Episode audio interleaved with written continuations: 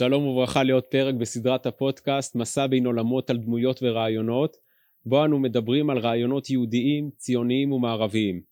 בשיחות אלו נשוחח עם האדם שאיתנו, מה מניע אותו ומה הפך אותו להיות מי שהוא כיום.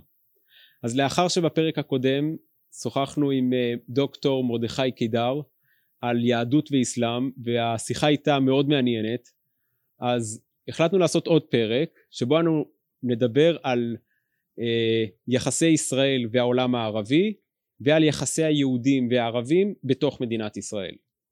אז תודה לך אה, דוקטור מרדכי קדר שבאת. אה, אז אני רוצה ככה לשאול בשאלה כללית, האם הסכסוך הישראלי פלסטיני הוא סכסוך לאומי או סכסוך דתי? כן. זאת אומרת, all the above. זה גם סכסוך אה, טריטוריאלי כמובן, על הארץ, זה גם סכסוך בין שתי קבוצות, סכסוך לאומי, על הארץ, אבל אה, יש פה מרכיבים דתיים חזקים מאוד. הייתי אומר, הבסיס הוא דתי, ועליו יש שכבה, נגיד, לאומית, ועליו יש שכבה טריטוריאלית, ועל זה אתה יכול גם אולי משפטית, או כל מיני דברים אחרים, אבל זה הכל בנוי על הסיפור הדתי. אה, ציינו בפגישה הקודמת שהיהדות נתפסת על ידי מוסלמים כדת אה, בטלה, ולכן אין שום היגיון שיהיה מדינה של דת בטלה. והיהודים גם צריכים לחיות כבני חסות תחת כנפי האסלאם. בני דימי. זימה, כן. וכן, אין להם זכות לא למדינה, לא למשטרה, לא לממשלה, לא לצבא ולא לכלום. ולכן אה, אין שום היגיון בקיומה של מדינה יהודית, גם אם היא תהיה בגודל של בול על חוף תל אביב. וזה בעיה עקרונית, והסיפור האסלאמי פה הוא חזק, שזה סיפור דתי. איך אתה יכול לבוא עכשיו ולהגיד שליהודים יש זכות למדינה אחרי שהאסלאם ביטל את ה... לכן כבר הסכסוך בינינו לבין הפלסטינים הוא על עצם קיומה של מדינת ישראל, ולא משנה כרגע הגבולות. לכן הם התנגדו להקמת מדינה יהודית, עוד לפני שהיה כיבוש של 67. ההתנגדות היא מההתחלה. מההתחלה. טבח חברון. בתרפ"ט. היה אחרי ביקור של הרצל. פה בארץ.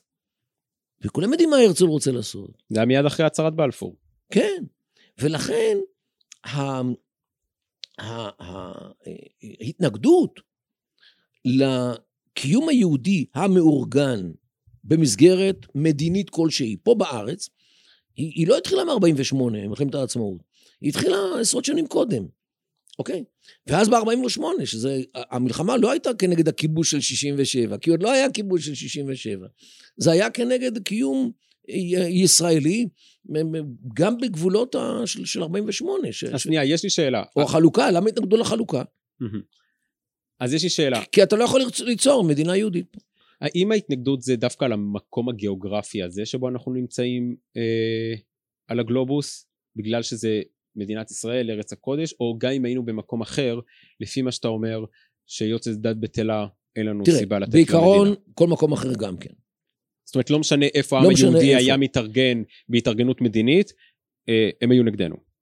גם אם למשל זה היה על ארץ אסלאמית אחרת. הם רואים בפלסטין ארץ אסלאמית, כי זה פעם היה תחת שלטון האסלאם. ועל פי האסלאם, לארץ אין, אין יכולת לצאת מהאסלאם. זה הופך יש... להיות אדמת קודש. אדמת קודש, מעצם, כן, וואקף אסלאמי, כזה או אחר. אגב, ככה הם מדברים היום על ספרד. הם מדברים על ספרד כארץ שחייבת לחזור להיות אסלאמי, כי פעם היו שם מוסלמים. האי סיציליה, חלקים גדולים בבלקן, כל הדרך עד וינה, איפה שהם נכשלו ב-1683. אגב, ב-11 בספטמבר. וואלה. 11, 12 בספטמבר. ולכן, מה שקרה בארצות הברית היה ביורצייט של, ה... של הסיפור הזה. אנשים לא כל כך מובנים, לא כל כך מודעים לזה. בכל מקרה, מדינת ישראל, אין לה שום זכות קיום, ולא משנה כרגע, זו לא שאלה של גבולות, זו שאלה של קיום. אז זה דבר ראשון. כעם קולקטיב. כמדינה ש... מייצגת עם יהודי. בגלל שקיום המדינה, תראה, מבחינתם, קיומה של המדינה, משמעות, המשמעות זה שהיהדות חזרה לחיים. Hmm. היא חזרה לארץ, היא חזרה לשלטון, חז... כי, כי דת ושלטון זה שני צדדים של אותו מטבע באסלאם. הרחבנו על זה בפרק הקודם. כן, אין שם את ההפרדה בין דת ומדינה. דת ומדינה זה שני צדדים של אותו מטבע, אם לא צד אחד של אותו מטבע. ולכן כשיש מדינה של העם היהודי, זאת אומרת שהדת היהודית חזרה ל... חזרה לחיים. חזרה לעולם, חזרה לחיים, חזרה לשלוט, חזרה הכל. ולא רק זה, אלא היא גם הורגת מוסלמים מדי פעם במלחמות. אין דבר כזה. זה מנוגד ל- ל- ל- לחוקי הפיזיקה, על פי התפיסה האסלאמית, שהיהודים חוזרים. וזה מבחינתם, זה יוצר אצלם קצר תיאולוגי בראש. איך יכול להיות שהדבר הזה, זה מעשה שטן. ככה מדברים על זה. זה בלה, זה נ, נ, נ, ניסיון שאללה מעמיד אותנו, המוסלמים. אוקיי? ולכן אנחנו חייבים לצאת לג'יהאד כנגד הדבר הזה. השתדלות, כן? בכ- בכל, ה- בכל האמצעים האפשריים. ולכן הבסיס של היחס של שכנינו אלינו כמדינה, מקורו בדת. Hmm. הבסיס. אה, על זה יש לך את הסיפור הלאומי. תשמע, היהודים, שרידי חרב, שרידי משרפות, ס- אה, גלויות שהגיעו ממקומות שלא יודעים אפילו, לא יכולים אפילו לדבר אחד עם השני. כי אלה מדברים ערבית יהודית, אלה מדברים לדינו, אלה מדברים יידיש.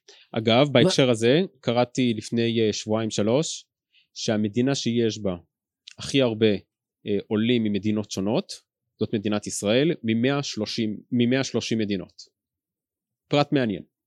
טוב, אולי ארה"ב גם כן הגיעו לשם מבלי סוף מדינות. טוב, אוסטרליה.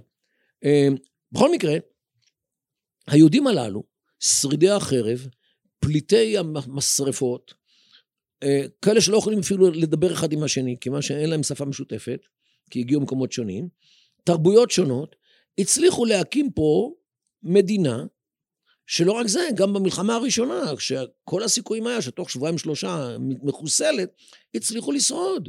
נכון, מחיר נורא ואיום, כאחוז מתושבי היהודים, כן, נהרגו, אבל הצליחו. הדבר הזה מבחינתם זה עלבון לא נורמלי. שהעולם הערבי, האומה הערבית הגדולה, המשגשגת, אומה שפתאום נכשלת בפני קומץ של אנשים שאומרים שהם יהודים, חלקם אפילו לא יהודים, אלא כוזרים, כמו ש- ש- שהתגיירו במאה ה-16, והם נכשלים בשישה חזיתות, שישה צבאות, שישה צבאות. כן, שפולשים פה ונכשלים. לא רק זה, גם מצרים, גם תופסים את דרך, כן, גם עבד אל-נאצר ואחרים, כספלוג'ה והכל, עושים להם בושה גדולה. זה מבחינתם אה, אה, אה, נורא ואיום. מבחינה לאומית, תרבותית. איך אפשר, ואגב, לעשות שלום איתנו, זאת אומרת שהמלחמות, אה, 48, 56, 67, בעצם לא רק זה שהן היו כושלות מבחינתם, הן גם, גם היו, לא, לא צריכות היו, ל, ל, לא צריכים היו לצאת אליהן. מסתבר שהן היו מיותרות. בדיעבד מתברר שהן היו מיותרות, זאת אומרת, סתם יצאנו למלחמות, סתם נהרגו לנו אחים ואחיות, סתם שפכנו את כל התקציבים שלנו על המלחמה נגד ישראל. על מה? על משהו שבסופו של דבר נתנו לשלום? זה, זה, זה בושה. בושה.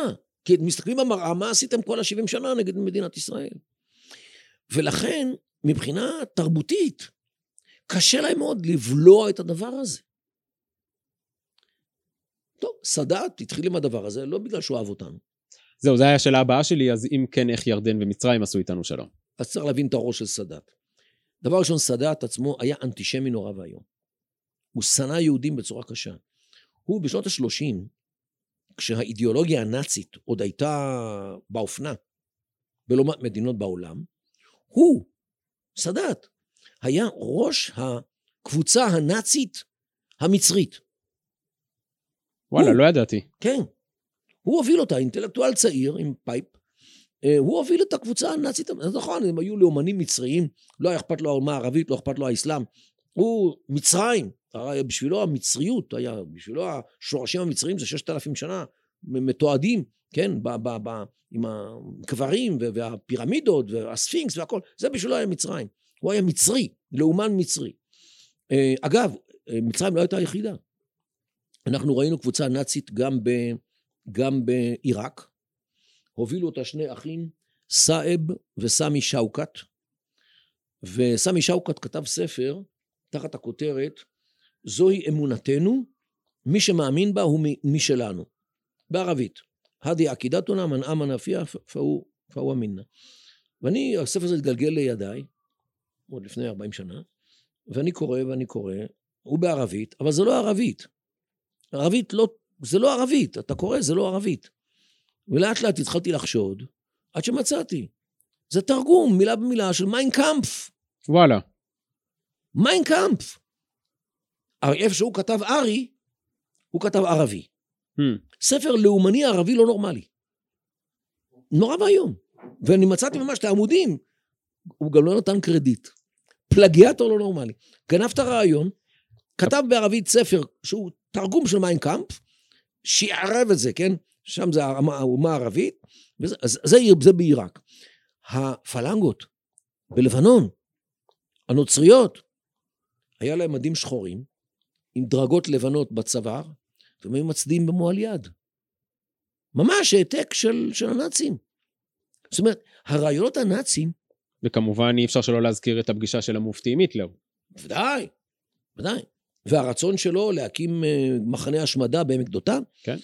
זאת אומרת, והסיוע שהוא כנראה הגיש להיטלר לחסל את יהדות הונגריה ב-44, שהוא גייס אה, לוחמים מוסלמים בשביל לשמור על הגשרים של הרכבות. זאת אומרת, הרעיונות הנאצים, היה להם גם נוכחות במזרח התיכון, וסאדאת היה נאצי. אה, הוא נתן לנו שלום לא בגלל שהוא אהב אותנו, ההפך, אלא בגלל שלא הייתה לו ברירה. הוא במשך אה, כמה שנים הייתה לו תולעת שהרסה לו את יבולת כותנה במצרים, ועם הכותנה הם היו נותנים לסובייטים אז, מקבלים נשק, מקבלים הכול. ובלי כותנה לא יקבל כלום. אז הוא הלך לאירופאים לבקש אה, נדבות, אז הם הקימו קונסורציום של 40 בנקים, לתת לו הלוואה גדולה. אבל אז באו בנקאים ואמרו, רגע, רגע, רגע, כל, כל כמה שנים יש לו מלחמה עם היהודים. מה, אנחנו נקים לו מפעלים, הם יבואו, יפוצצו, מה, לא. אמרו לו, לך תעשה שלום עם היהודים, קבל את הכסף. אז הוא בא אלינו, עשה שלום וקיבל את הכסף. זה הסיפור. הוא היה צריך את הכסף מהאירופאים, עשה איתנו שלום. עכשיו, לא רק זה, הוא גם קיבל, באותם ימים הוא קיבל פתווה, שהתירה לו לעשות שלום איתנו, כמו שנביאנו, עליו השלום, מוחמד בן עבדאללה, נתן שלום לכופרים של מכה בחודייביה. זאת אומרת, אותו הסכם זמני שמוחמד נתן, והאזהר, אלה שנתנו לו, לסאדאת, את ה... ציינו שזה הבסיס. זה הבסיס ההלכתי. ההלכתי, לעשות שלום, ואז הוא עשה איתנו שלום. רק אנחנו, באיוולתנו, אה, קשרנו את זה עם הסיפור הפלסטיני, ולכן בעצם הרעיון הראשון של אוטונומיה פלסטינית שהתגלגל לימים, מה שהתגלגל, כבר נהגה בקמפ דיוויד בין בגין וסאדאת. וצריך להזכיר את זה. זה ש... לא בא מכיוונו? הוא דרש את זה, אבל בגין נכנע לדרישה. בגין היה צריך להיות, אתה רוצה את הכסף האירופאי? אתה רוצה איתנו שלום? בבקשה, איתנו שלום. שום, אין לך שום עניין עם הסיפור הפלסטיני. Mm-hmm. ואם בגין היה מתעקש, אז, אה, אז היינו מקבלים שלום עם מצרים, בלי שום זיקה לסיפור הפלסטיני. Mm-hmm. רק אה, דחפו אותו, גם כנראה ויצמן ודיין, דחפו את בגין, והוא והס... נכנע. אוקיי, זה ההסבר שלך למה אה, מצרים עשתה הסכם שלום עם כן. ישראל. איך אתה מסביר את אה, ירדן? ירדן עשתה איתנו שלום, תראה, שלום בפועל היה עם ירדן כבר הרבה שנים. ירדן לא השתתפה במלחמה ב-73. ירדן הפסידה את יהודה ושומרון, כולל את מזרח, ירושלים המזרחית, אבל היא לא הצטרפה למצרים וסוריה ב-73. זאת אומרת, כבר אז אה, חוסיין שבר את ה... מילה שלו מול המדינות הערביות. את השורה הערבית, בעיקר אלה שהפסידו. ולא, ומבחינה סמלית, הוא הפסיד את ירושלים, שזה מבחינתו הייתה, היה הפסד קשה. ובכל זאת, הוא לא, הוא לא יצא למלחמת 73, לא רק זה, הוא גם הזהיר את גולדה אה, מפני המלחמה המתקרבת. כלומר, עד לכך, זאת אומרת, שלום בפועל עם ירדן, הוא גם קנה ציוד ישראלי, ציוד השקיה ישראלי והכל. אה, שלום בפועל היה עם ירדן כבר הרבה שנים לפני 94, לפני שההסכם נחתם. הוא יכול היה לצאת להסכם הזה רק אחרי, כלפי חוץ, כן? עד אז הכל היה מאחורי הקלעים. הוא יצא עם זה כלפי חוץ, לאחר שהפלסטינים עשו איתנו את הסכמי אוסלו. מהמם. הוא אמר, אם הפלסטינים כבר עושים אה, שלום עם הישראלים, מכירים בישראלים מול כל העולם, גם אני יכול. אבל- אז משהו אבל- כמו שנה. אבל כן. אם זה על בסיס דתי ולא על בסיס לאומי, אז הוא לא יכול מבחינה דתית לעשות. לא, אבל היה לו, היה לו את, ה... את ה- את, את את התקדים המצרי. את התקדים, אה, זאת אומרת, הוא הסתמך על הפתווה אה, כן, גם המצרית, הפלסטינים אגב. וזה גם מה שהיום המדינות הערביות, אה, בחריין, סודאן ואיחוד האמירויות, גם הם מסתמכים על זה? כן, הם אומרים, תראה, הישראלים חזקים מדי, מסוכנים מדי, עד לכך שמצרים, ירדן, הפלסטינים עשו איתם שלום. אנחנו לא, לא גרועים יותר מהם. היום יבוא, נראה מה יהיה בעתיד. מהמם. בינתיים אנחנו חיים עם, ה, עם הצרה הזאת ששמה ישראל, אה, וזה בסדר, זאת אומרת, אולי לא מתוך אהבה. אגב, גם הם לא הכירו בנו כמדינה יהודית. למרות שהם עשו איתנו נורמליזציה, מה שלא עשו עדיין מצרים וירדן, הם, אין להם הכל כלול, אבל עדיין לא מכירים במדינת ישראל כמדינה יהודית, ולא עמדנו על כך בדרישה. מה שדורשים הפלסטינים, לא דורשו מהם. למה באמת? אה, כי עם הפלסטינים, הכרה במדינת ישראל כמדינת העם היהודי, היא קריטית, היא קריטית. תראה, כי זה הבסיס לדרישות שלהם. תראה, אף אחד לא, לא, לא, לא אה, מסתיר את, ה, את העובדות. קשה להסתיר את העובדות. הפלסטינים הולכים עם הדבר הזה, וזה הלפחה שלהם, הצעיף. צד אחד, וזה של אש"ף, זה המצלמות לצופינו ביוטיוב? כן. זאת המצלמה? וזה, וזה אש"ף. מצד אחד, אל-קודס לאנה, כן. ירושלים שלנו. ממתי Mhm. ירושלים שלהם? הם אומרים. וזה אש"ף, לא חמאס. מצד שני, פלסטין. השלמה. From the river to the sea. וזה אש"ף. החברים. נו, אז איפה ישראל? מהמם. והם מבינים את הקשר. כי בשבילם, זה דבר אחד, כן? ירושלים שלנו, ואז פלסטין השלמה. למה? כי בלי ציון, אין ציונות. ואם יצליחו להשתלט על ירושלים, אז היהודים יאבדו את התקווה, ו... למרות קרן תקווה, וילכו לעזאזל. ולכן כל הארץ תהיה שלנו. ולכן צריך להקפיד על ירושלים ולהתעקש על ירושלים. זה גם, זה ו- גם, זה גם מסביר בעצם את המשוואה החדשה של אה, החמאס בתקופה האחרונה, אה, למשוואת ירושלים, שאומרת כל פגיעה בירושלים, הם השתלטו על מה שאש"ף רצה להוביל, אוקיי? וזה, תראה, לה, ה, ה, הקבוצה החמושה של אש"ף הייתה חללי אל-אקצא. מהמם. נו, הנה אל-אקצא. אגב, אל-אקצא במקור הרי לא בירושלים. זה פייק ניוז של המאה השביעית. בגלל מרידה שהייתה במק, במכה. איפה אז- היא?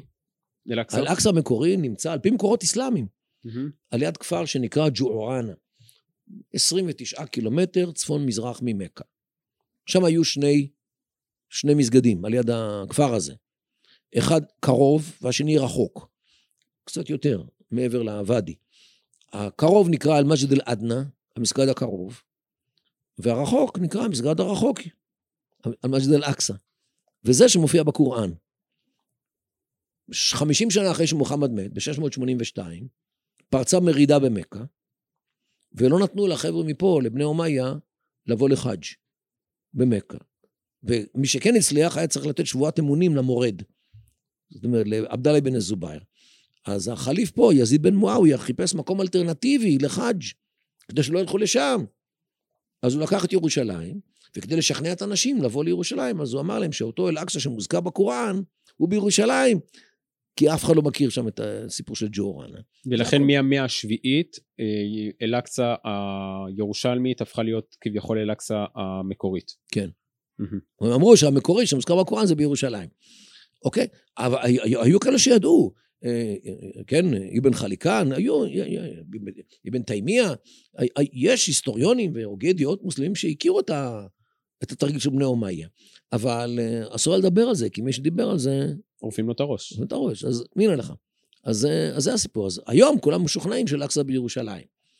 אתם- אבל אה, זה מבוסס על שקרי בני אומיה, שגם טבעו את זה לתוך החדית', הם, הם חיברו את החדית'ים, שכאילו, שמוחמד אמר את הדברים הללו. זה החדיס רק צריך להזכיר שזה אוסף ההלכות של התורה שבעל פה אוסף ממוחמד. אנקדוטות, אוסף אירועים מתקופת ימיו של מוחמד והחברים שלו. ולאנקדוטות האלו יש תוקף הלכתי. יש תוקף הלכתי.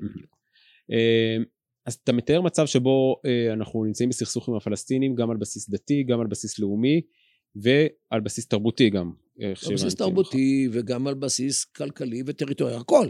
הכל כלול, אבל איפה הבעיה? אצלנו, אה, בתפיסה שלנו, אה, נושאים של דת זה מדעי הרוח, הומניטיז. נושאים של אה, אה, לאומיות זה במדעי החברה. זה דימנסיה, זאת אומרת, זה, זה, זה, מ- דמ- זה ממד מחקרי אחר. זה פקולטות אחרות, זה אנשים אחרים, זה תפיסות אחרות. ולכן אצלנו קשה לראות שבעיה דתית היא גם בעיה לאומית, מהמם. אוקיי? אני פעם נפגשתי, הייתי באיזשהו פאנל עם ציפי לבני. אני לא זוכר איזה תפקיד היא הייתה אז. ואני דיברתי על הבסיס הדתי של, אה, של הסכסוך בינינו לבין הפלסטינים. אז תוך כדי דבריי היא התפרצה ואמרה, אל תהפוך את הסכסוך לסכסוך דתי. אמרתי לה, ציפי, הסכסוך דתי.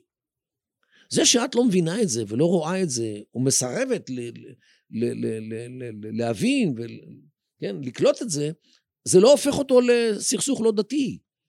רק אנחנו הישראלים המודרניים, הליברליים, אה, כאלו שנוטים ל- לראייה אנליטית, לראייה מחלקת, לראייה מנתחת. תראה, אל, ת- אל תיתן, לא הוליסטית. תראה לי איפה הסיפור הלאומי, איפה הסיפור הדתי, איפה הסיפור הטריטוריאלי, נטפל בכל אחד בנפרד. זו התפיסה שלנו. כי אנחנו יצירי תרבות המערב, שהפרידה את הדת מהמדינה. זאת אומרת, הפרידה את ה-humanities, את מדעי הרוח, ממדעי המדינה וממדעי החברה. פה במזרח התיכון זה לא נפרד. הדת והמדינה זה שני צדדים של אותו מטבע. אם כי אה, להיות כנים, גם במגילת, גם במגילת העצמאות יש את האזכור הדתי לקיום של המדינה. תראה, מגילת העצמאות, אה. אל תשכח, היא נכתבה, הושפעה מאוד מאוד מאוד על ידי בן גוריון. נכון? ובן גוריון היה תנכיסט. התנ"ך זרם לו בעורקים. ולכן אין שום פלא שה, שה, אה, אה, שה, שהמגילת העצמאות, יש בה הרבה מאוד הדים לסיפור התנ"כי. זאת אומרת, ש... זאת אומרת שכמו שאתה אומר, בסופו של דבר הסכסוך כאן הוא גם על בסיס דתי. לא, הוא, הוא בסיס דתי וגם על בסיסים אחרים. הוא מתחיל מהדת. נתחיל מהדת. תראה, גם במזרח התיכון, כשאתה אתה בא למזרח התיכון, דבר ראשון שואלים אותך מאיזה דת אתה. מה אתה? אתה מוסלמי, אז אתה משלנו. אם אתה לא מוסלמי, אתה לא משלנו. הלאה. אם אתה מוסלמי, איזה מוסלמי אתה? אם אתה סוני, אתה משלנו. אם אתה שיעי, אתה לא משלנו. או הפוך, תלוי מי אתה. בהמשך, אה, אם אתה שיעי, איזה שיעי אתה? אתה זיידי מתימן, או אתה 12 מאיראן, או אתה אסמאעילי כמו מסוריה? מה אתה, איזה שיעי אתה? כי גם השיעה זה לא סיפור אחד. אוקיי, אז לכן הראייה, הראייה הראשונה, העיקרית, היא דתית, לאחר מכן היא עדתית, ולאחר מכן, עכשיו, את- מה אתה, אם אתה מצרי, או פלסטיני, או סורי, או ירדני, זה יודעים מרגע שפתחת את הפה, לפי הניב. לפי הניב. אז זה כבר מתייגים אותך לאומית. הדברים האחרים ישאלו אותך ואתה תגיד מה שתגיד. אבל פה, במזרח התיכון, אם אתה משלנו, מינה, מה שנקרא. כן, ביידיש יגידו אנונזרר. משלנו. משלנו. אז, אז זה בסדר, אז אתה, אתה, אתה, אתה לגיטימי, אתה מקובל, תבוא והכל בסדר. אם אתה לא משלנו, לך לעזאזל. זה אגב, אחד השרידים של תרבות השבט. ותרבות השבט היא קיימת במזרח התיכון מי יודע כמה מאות אלפי שנים מאז שבני אדם ניסו לשבת במזרח התיכון. כי במזרח התיכון אתה יכול לחיות רק אם אתה שבט. כי אתה צריך להילחם על, על מקור המים. ולכן לחיות כאינדיבידואל אתה לא יכול. כי הבודד הוא חלש. והקבוצה חזקה, והקבוצה הכי חזקה זה השבט, האבא והבנים. ולאחר מכן הנכדים, והנכ... כן, הבני דודים השניים, השלישים והרביעים. זה שבט. וזה תנאי, תנאי לשרוד בתנאי המדבר. ולכן הראייה פה היא גם שבטית, גם דתית, הכל ביחד. אז אתה מצייר, אתה מצייר אה, קונפליקט מאוד מאוד מסובך, ואני רוצה... זה קונפליקט בשתי תרבויות. מהמם. תרבות שאנחנו ליברלים הרבה יותר, אנחנו מודרניים, קשורים למערב, ולכן גם רואים בנו מס קולוניאליסטי.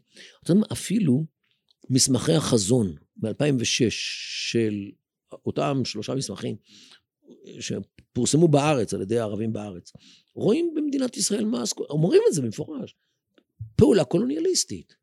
למה? כי אנחנו לא שייכים פה. אנחנו לא שייכים לפה מבחינה תרבותית, אתה מתכוון? תרבותית, דתית, שבטית, לאומית, כל הבחינות. אין שום בחינה, ו- ואם אנחנו פה ומראים ארכיאולוגיה, פה, שלנו, פה בארץ הזאת, יגידו לך הכל מזויף. והיום, מה שמסתובב ברשתות ובאמצעי התקשורת, זה שלושה מספרים. 80, 18, 2. שהם מה עם המספרים? מה זה ביחד? כמה זה ביחד? 80, 18 ו-2, 100. 80 אחוז מהעתיקות בארץ ישראל הם מוסלמים, 18 אחוז נוצרים, ביזנטים צלבנים, ו-2 אחוז יהודים. כנענים. Mm, כנענים. כנענים. היהודים לא השאירו פה כלום. לא מטבע, לא חרס, לא פסיפס, לא כלום, אפס, הכל מזויף. הציונים זייפו את הכל. למה? כדי להצדיק את המפעל הציוני. היהודים, אם היו פה בעבר, בדואים. באו והלכו. זה היום השיח בעולם הערבי-אסלאמי סביבנו. אגב, יום אחד שמעתי הרצאה בטלוויזיה הירדנית של היסטוריון ירדני, מורה באוניברסיטה, הרצאה שהובאה בשידור חי, והוא טוען שמה שהכיתב אל-מוקדס, כן, התנ"ך, נכתב אחרי 1948 בשביל להצדיק את המפעל הציוני. וואלה. לא פחות.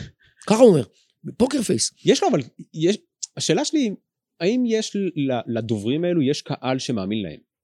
זאת אומרת, אה, למשל, יקירי, עכשיו... באוניברסיטה הערבית אתה לא שואל שאלות. Hmm. זאת אומרת, אותו אה, ירדני אמר את זה ב... וכל העולם שומע, ואף אחד מהכיתה... אף אחד לא מאמת אותו. תראה, גם הכיתה נראתה כאנשים קצת מבוגרים, אולי תואר שני, תואר שלישי. אמ, האמירה הזאת, אפשר להפריך אותה בשאלה נורא פשוטה. האם גם התרגום ה-70, ספטואגימטה, שנכתב במאה השלישית לפני הספירה, גם הוא נכתב על ידי הציונים אחרי 48? 1948.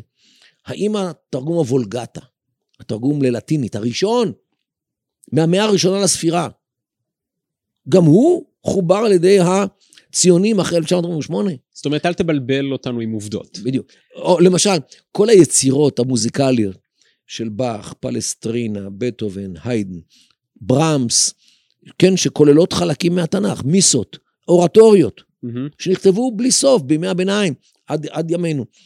באך, כן, כתב אורטוריות ומיסות, ויש שם מובאות מהתנ"ך. הנדל, המשיח, מתחיל, אה, אה, כן, נחמו נחמו עמי, comfort ye my people, אוקיי? הנדל, המשיח, גם זה נכתב על ידי ציונים אחרי 1948. בוודאי.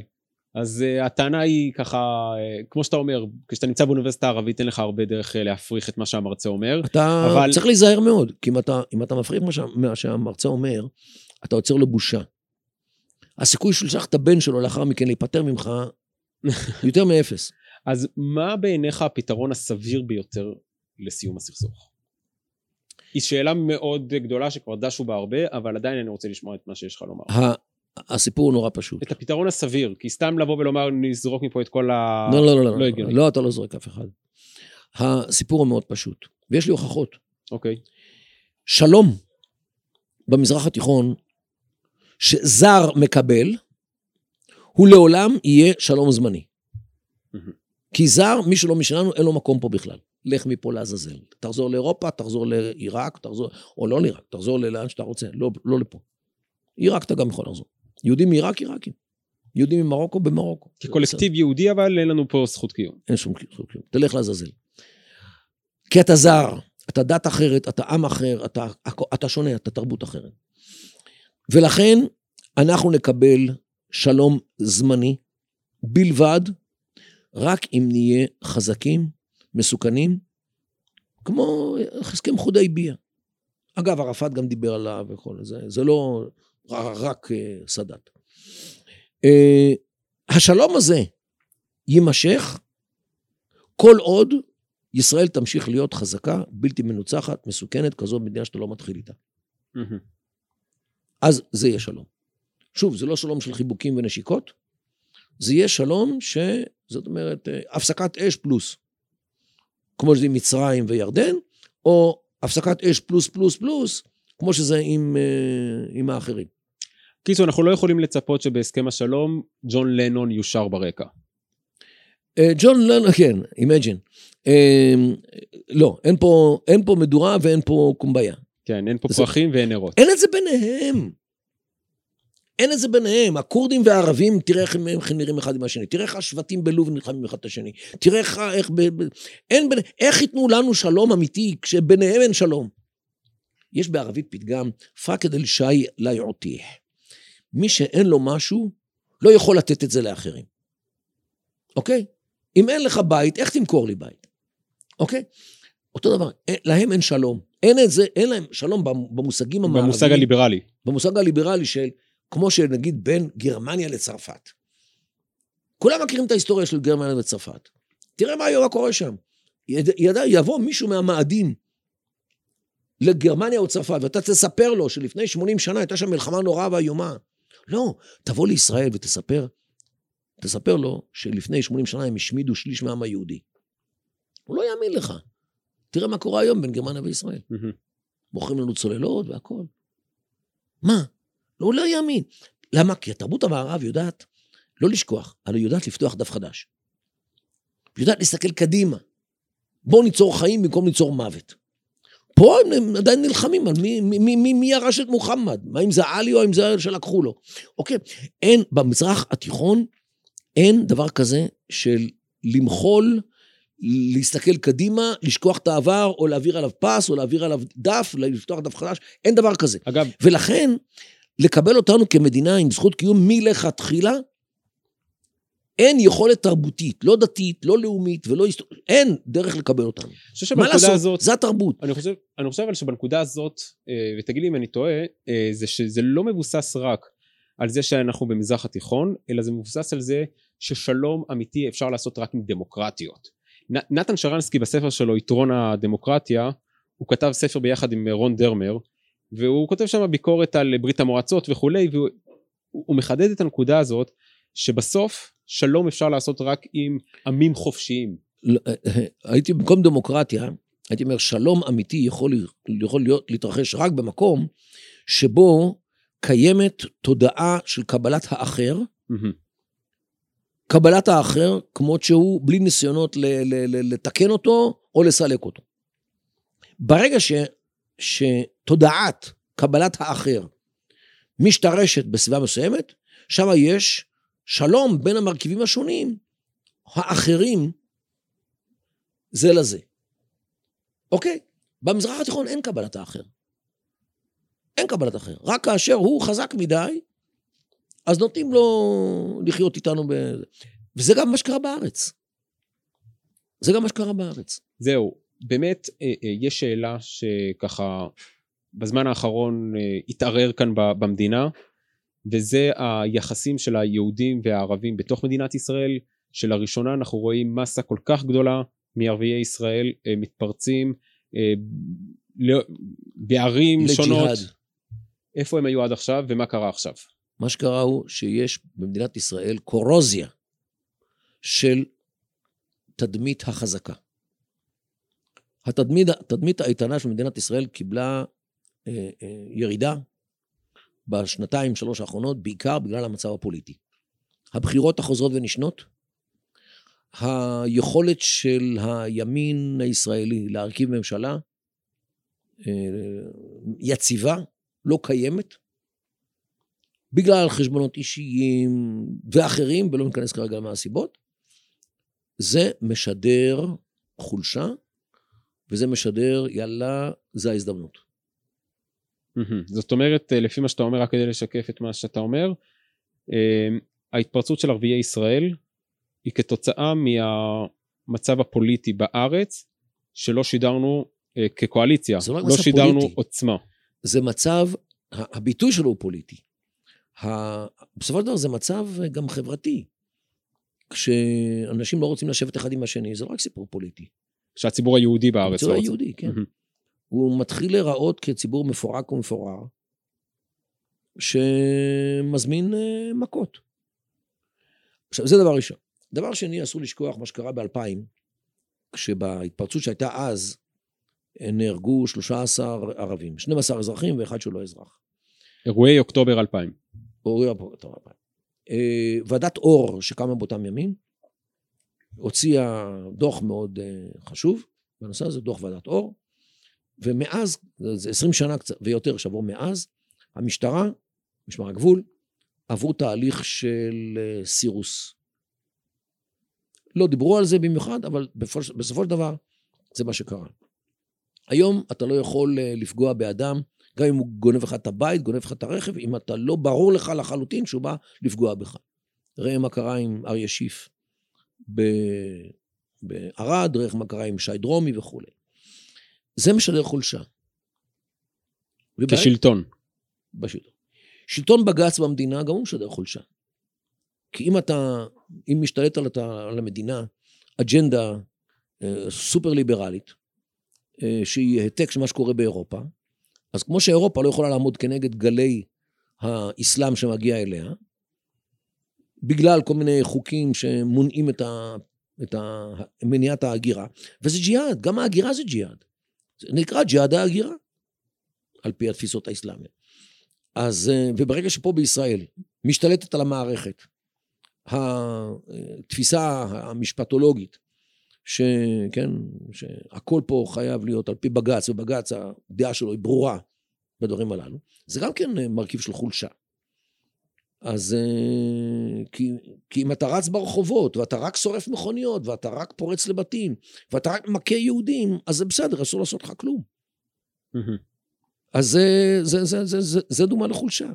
וברגע שחמאס הדליקו את הגפרור עם הסיפור של ירושלים, שהוא סיפור, סיפור נפיץ, אז uh, הצליחו להעביר את זה לתוך הערים המעורבות. כן, זה בהחלט חלק מהעניין. אבל כאן תראה, צריך גם לזכור עוד דבר. וזה המהות של מדינת ישראל.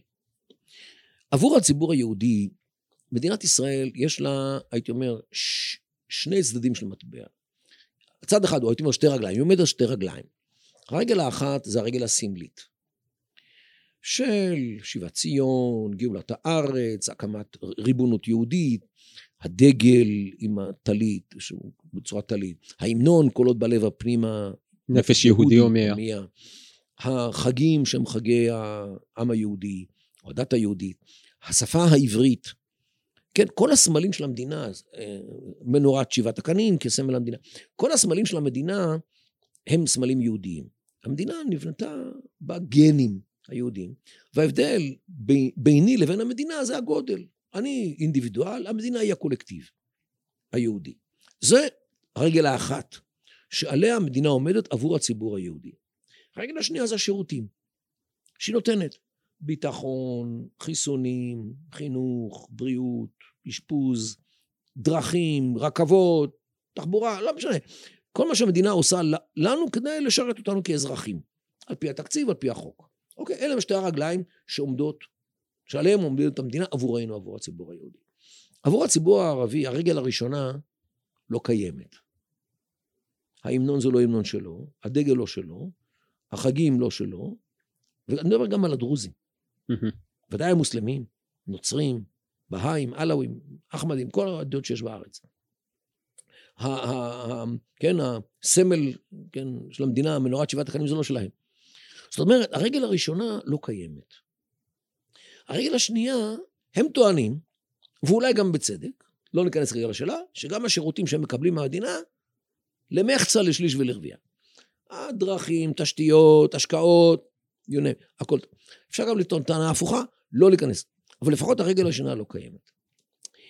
זה יוצר מצב, עכשיו, אני לא אומר כרגע, אני לא עומד פה ומטיף לשנות את זה. אני רק אומר צריך שהציבור היהודי יבין שיש לנו פה 20% מהמדינה, שזה מוסלמים, נוצרים וכל העדות האחרות, שבשבילם המדינה היא לא התגשמות של שום חלום. הייתי אומר ההפך. היא קמה בנכבה שלהם, כמו שהם אומרים. אסון. בפליטים והכול. אז אנחנו צריכים להיות מודעים לזה. שוב, אני לא אומר לוותר למדינה היהודית היחידה בעולם, אבל צריך להיות הגונים לפחות בצד השני. שנייה. שמינויים יהיו שווים.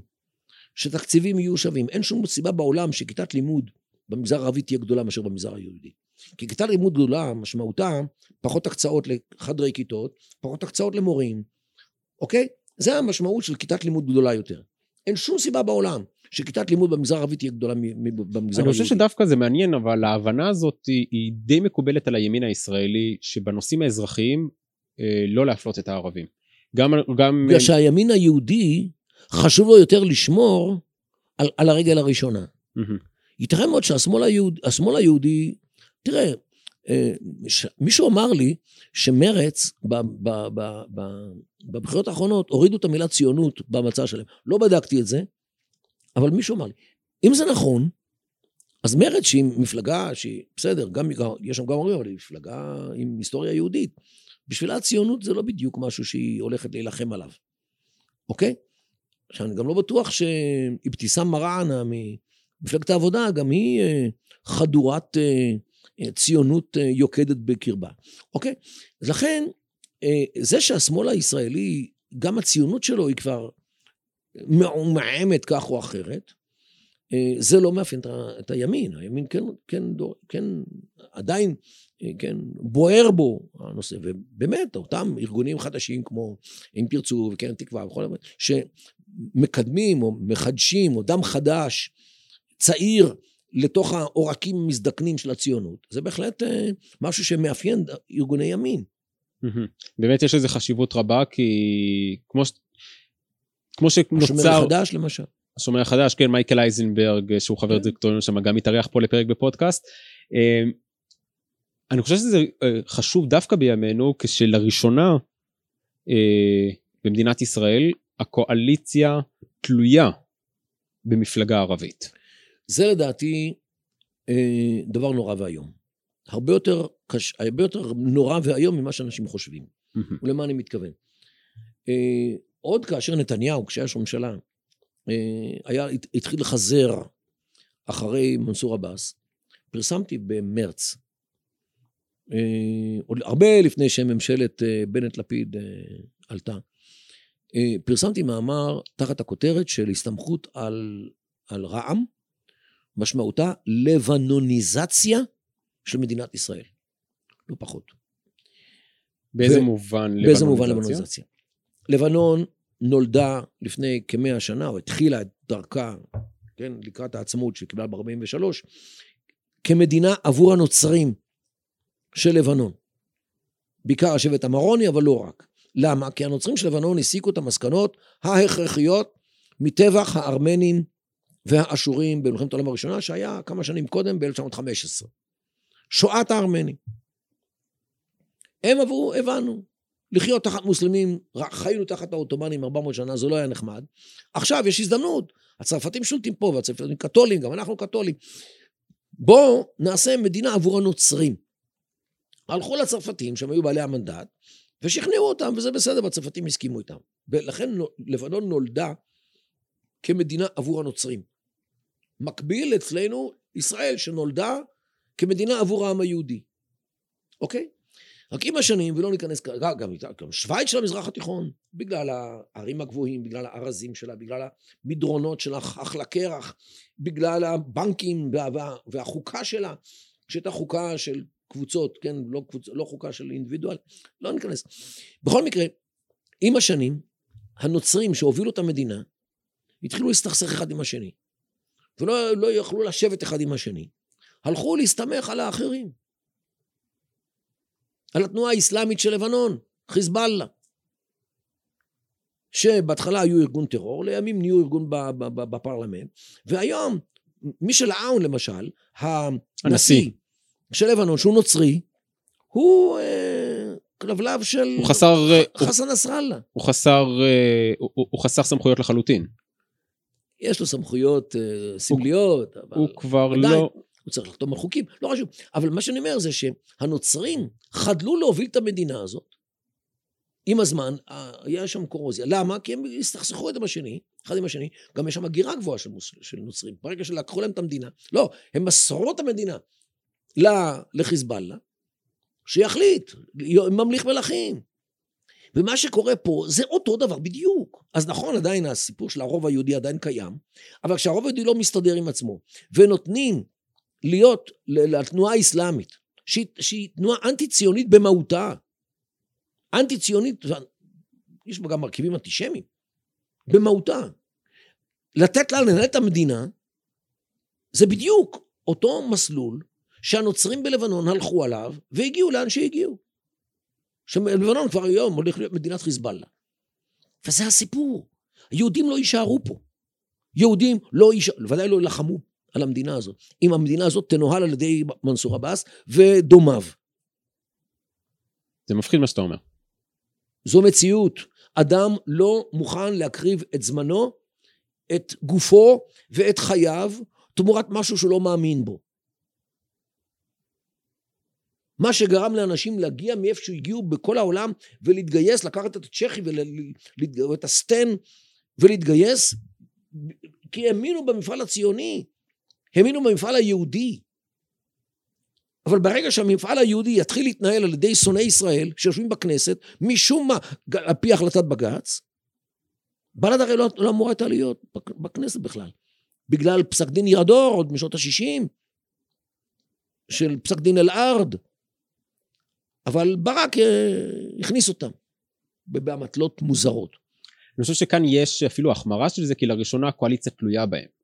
זה לא, רק, אומר. זה לא רק שהם משתתפים בקואליציה. הם מנהלים. כי כל אחד היום מחברי הכנסת, ברגע שיש לך אה, קואליציה של 60 או 61, אז כל אחד, הוא פה יש לו וטו. כל אצבע מלך. כל אצבע מלך.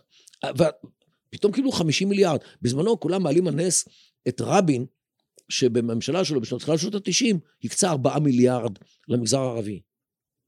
היום הוא קיבל 50 מיליארד, אה, מנסור עבאס. נו, זה, זה פי 12 ויותר ממה שרבין נתן אז. ואז כולם אומרים, כמה שהוא נתן. פה מדובר במדינה שהולכת להיות מנוהלת על ידי התנועה האסלאמית.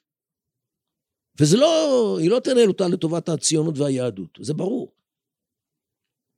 זאת אומרת, שאנחנו פה, הסכנה שיש בגורמים אנטי-ציונים, זה לא שהם לא ציונים, או פחות ציונים, כמו מרץ ועבודה.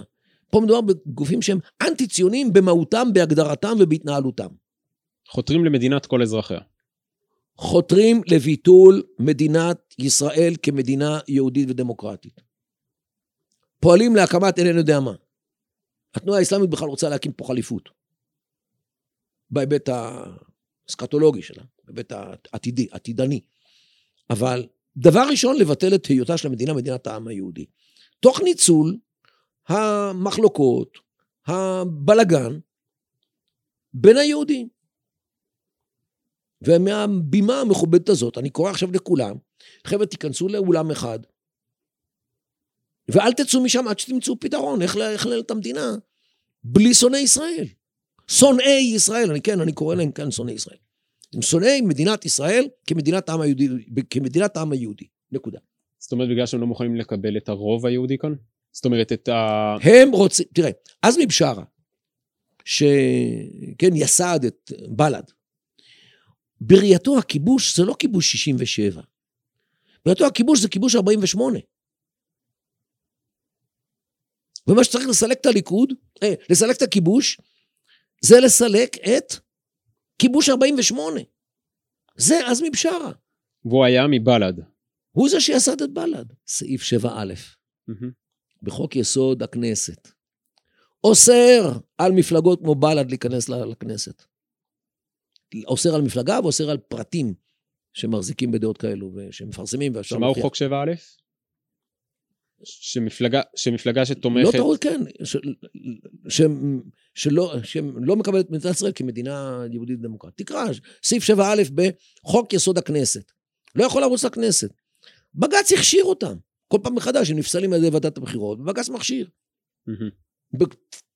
באמתלות הזויות.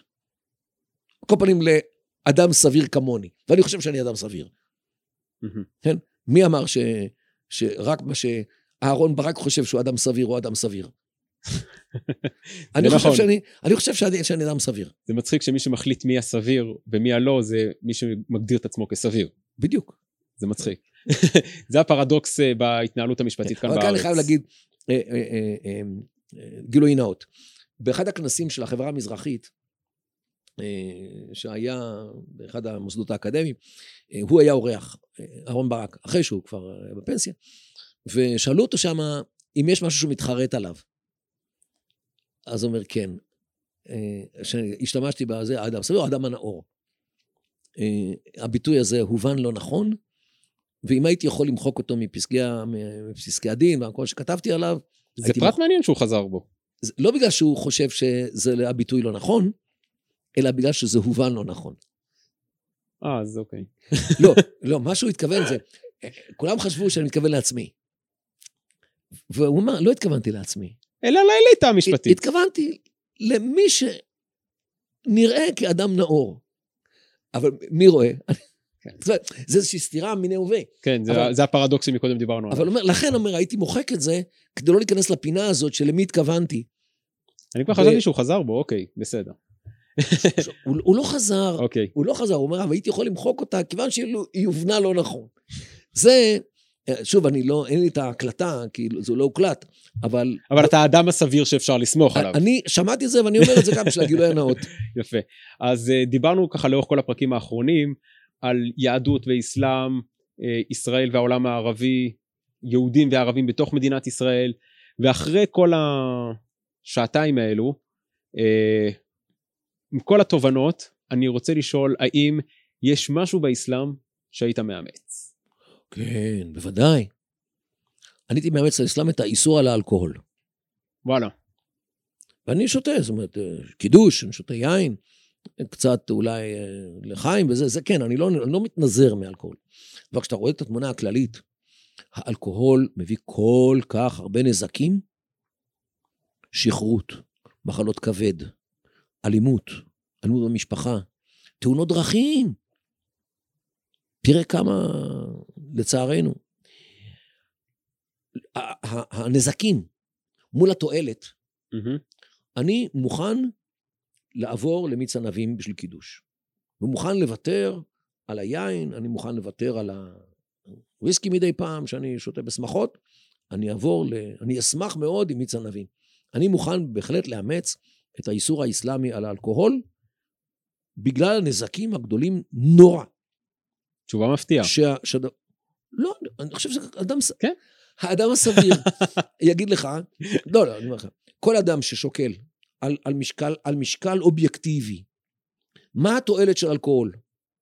מצד אחד, לא, לא למוכר משקאות או ליצרן. מה התועלת לחברה, למדינה, בכלל, משתיית אלכוהול מצד אחד? ומה הנזק או הנזקים שאלכוהול גורם? אני חושב שכל אדם שיש לו משקל אמיתי, יבין שהכובד, כן, המשקל של הנזקים גדול הרבה יותר מאשר התועלת. אז זה מה שהיית מאמץ מתוך האסלאם. זה הייתי מאמץ אתמול. דוקטור מרדכי קדר, תודה רבה שהגעת. בבקשה. לכבוד ולעונג רב, והייתה שיחה. מחכימה מאוד. תודה רבה. תודה רבה. את הפרק הזה, יחד עם שאר הפרקים, תוכלו למצוא ביוטיוב לצפייה, ובכל אפליקציות השמע להאזנה. תודה רבה לקרן תקווה ישראל, שפודקאסט זה מופק בחסותה, ותודה לאהרון זיידמן ויעקב טוויטור שמקדישים מזמנם היקר לעריכת הפרקים, ותודה גדולה לכם, המאזינים, על כל הפידבקים שאתם שולחים. אם יש לכם הצעות לשיפור או רעיונות לאורחים מעניינים, צרו קשר בכתובת המייל שמעון רפאלי 5 שטרודלג'ימל.קום בדף הפייסבוק והטוויטר של פודקאסט מסע בין עולמות על דמויות ורעיונות תוכלו גם להצטרף לערוץ הטלגרם כחברים בקבוצת הדיונים על הנאמר בפרקי הפודקאסט שם גם תהיו הראשונים לקבל את הפרקים הערוכים. אתם מוזמנים לעשות מנוי לערוץ ולשתף עוד אנשים נשמח אם תדרגו אותנו ותיתנו חמישה כוכבים, כך נוכל להגדיל את קהילת המאזינים.